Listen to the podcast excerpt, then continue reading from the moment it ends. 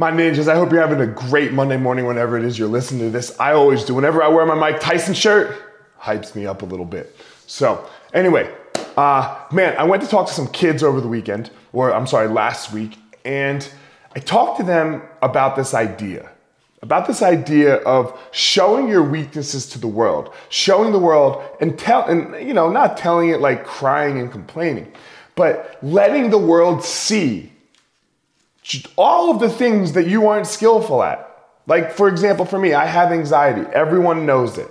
Um, I struggle a little bit with this idea of being overweight and fat. Yeah, everyone knows it. Everyone knows that um, I can be a little insecure sometimes, and that insecurity comes from a feeling of not being enough and things like that. I just tell the world my weaknesses. And, I, and the reason I do it is let's, I want to tell a story. Uh, I hope most of you have seen the movie Eight Mile. And what happens in Eight Mile with Eminem?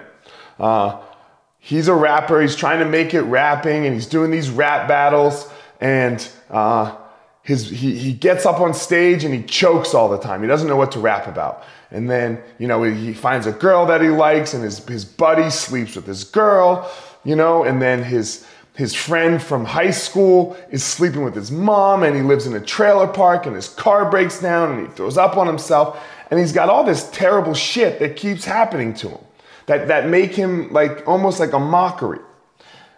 And then he goes, he enters this one last final rap battle and he gets to the finals and he's in the finals against this guy named Papa Doc, you know? And one of M and, and Papa Doc and his his group just beat up Eminem and his group the week before. And one of his friends is sitting there, uh, and they're all sitting together right before M- Eminem goes out, and he goes, "What are you going to say, man? He's going to say all this shit about you. How are you going to how are you going to come back from that?" And Eminem has this epiphany. He goes out there and he goes first, and he just raps about all the bad shit Papa Doc's gonna say about him. Yeah, you're gonna say so and so slept with my chick and my mom this and blah blah, and he just raps about it.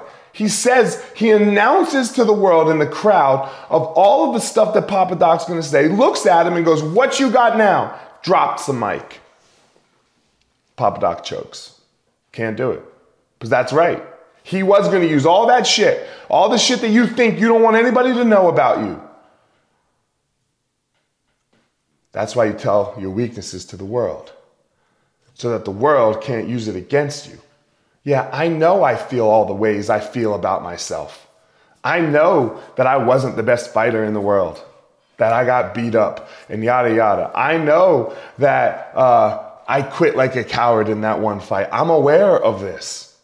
So if I tell it to you, if I already know and I've already accepted and it's already in my heart and I've made peace with it, the fuck you gonna do to me?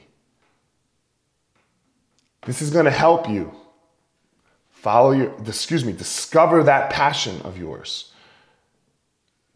It's gonna help you find your power, and then it's gonna help you go give your purpose to the world. Why?